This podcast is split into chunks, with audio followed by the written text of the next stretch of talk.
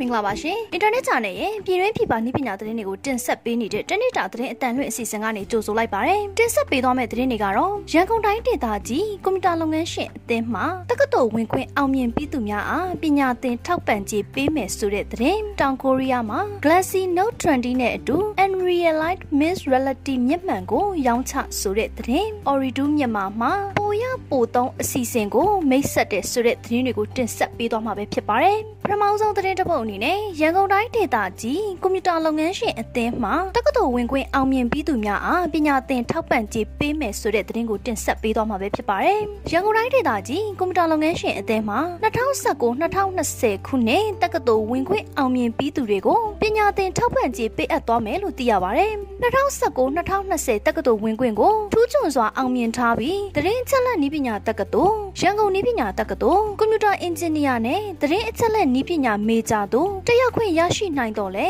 ပညာသင်စရိတ်အခက်အခဲရှိနေတဲ့ကျောင်းသားကျောင်းသူတွေကိုစီစစ်ပြီးရန်ကုန်တိုင်းဒေသကြီးကွန်ပျူတာလုပ်ငန်းရှင်အသင်းမှပညာသင်ထောက်ပံ့ကြေးပေးအပ်သွားမှာပါ။ရှောက်ထားလိုသူတွေအနေနဲ့အသေးစိတ်ကိုရန်ကုန်တိုင်းဒေသကြီးကွန်ပျူတာလုပ်ငန်းရှင်အသင်းရုံးအဆောင်ဆက်လေးငားလွှာအခန်း604 MICT ပတ်လှိုင်မြို့နယ်ဖုန်း391 2339 9334 39 4253 2296ကိုဆက်သွယ်စုံစမ်းမေးမြန်းနိုင်ပါတယ်။ဆက်လက်ပြီးတောင်ကိုရီးယားမှာ Galaxy Note 20နဲ့အတူ Unrealized Mid Reality မျက်မှန်ကိုရောင်းချရဲဆိုတဲ့သတင်းကိုတင်ဆက်ပေးသွားမှာပဲဖြစ်ပါတယ်။တောင် ကိုရီးယားနိုင်ငံအတွင်း Samsung ဖုန်းသစ် Galaxy Note 20နဲ့အတူ Unrealized Mid Reality မျက်မှန်ကိုလည်းတင်ပို့ရောင်းချခဲ့ပါတယ်။ LG U Plus ကတော့မျက်မှန်တစ်ခုတည်းကိုပဲ 1,699,986ဒေါ်လာနဲ့ရောင်းချပါမယ်။ Galaxy Note 20ဒါမှမဟုတ် LG Velvet ဖုန်းနဲ့ 5G data plan ပါဝင်တဲ့ Bundle ကတော့1,349,595ဒေါ်လာပဲကျသင့်ပါမယ်။ August လ17ရက်မှာကြိုတင်မှာယူနိုင်ပြီးတော့ handset တွေကိုတော့ August လ21ရက်မှာရောင်းချပါမယ်။ U Plus Real Glass လို့လည်းရည်ညွှန်းတဲ့ Unreal Light ဟာပေါ်ပါတဲ့နေကမျက်မှန်ဖြစ်ပြီးတော့ commuting ထုတ်ကုန်လည်းဖြစ်ပါတယ်။မျက်မှန်ကအကွာအဝေးခြေရာခံတာ app တွေကိုရုပ်ပုံနဲ့ပြသတာတွေပြုလုပ်ပေးပါတယ်။ Unreal ကိုဗီဒီယိုကြည့်တာ၊ဂိမ်းကစားတာဒါမှမဟုတ် website ဖတ်တဲ့အချိန်မှာလည်းအသုံးပြုနိုင်ပါတယ်။ Chrome, Facebook နဲ့ Instagram အပြင်အခြား app တွေလည်းအသုံးပြုနိုင်ပါမယ်။ Unreal အတွက်နှာခေါင်းကလစ်ကတော့မျက်နှာအမျိုးမျိုးနဲ့တင့်တော်အောင်အများကြီးထုတ်ထားသလိုမှန်ကန်တဲ့ lens နဲ့ VR cover လည်းပါဝင်ပါမယ်။အရင်က Unreal မှာ cloud တစ်ခုနဲ့ကွန်ပျူတာအသေးစားပါဝင်တဲ့ developer kit ကိုဒေါ်လာ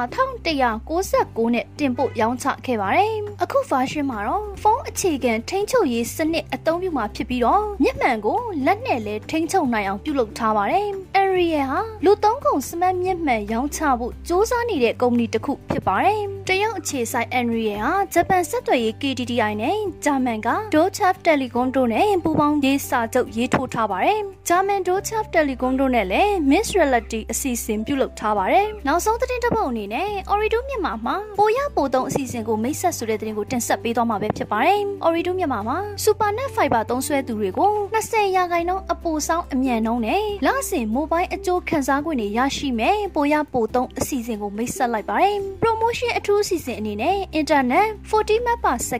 50 Mbps သို့မဟုတ်100 Mbps အမြန်နှုန်းသုံးစွဲသူတွေအနေနဲ့ပုံမလျင်မြန်တဲ့ internet ကိုအပိုဆောင်းအမြန်နှုန်း20%အနေနဲ့48 Mbps 60 Mbps 120 Mbps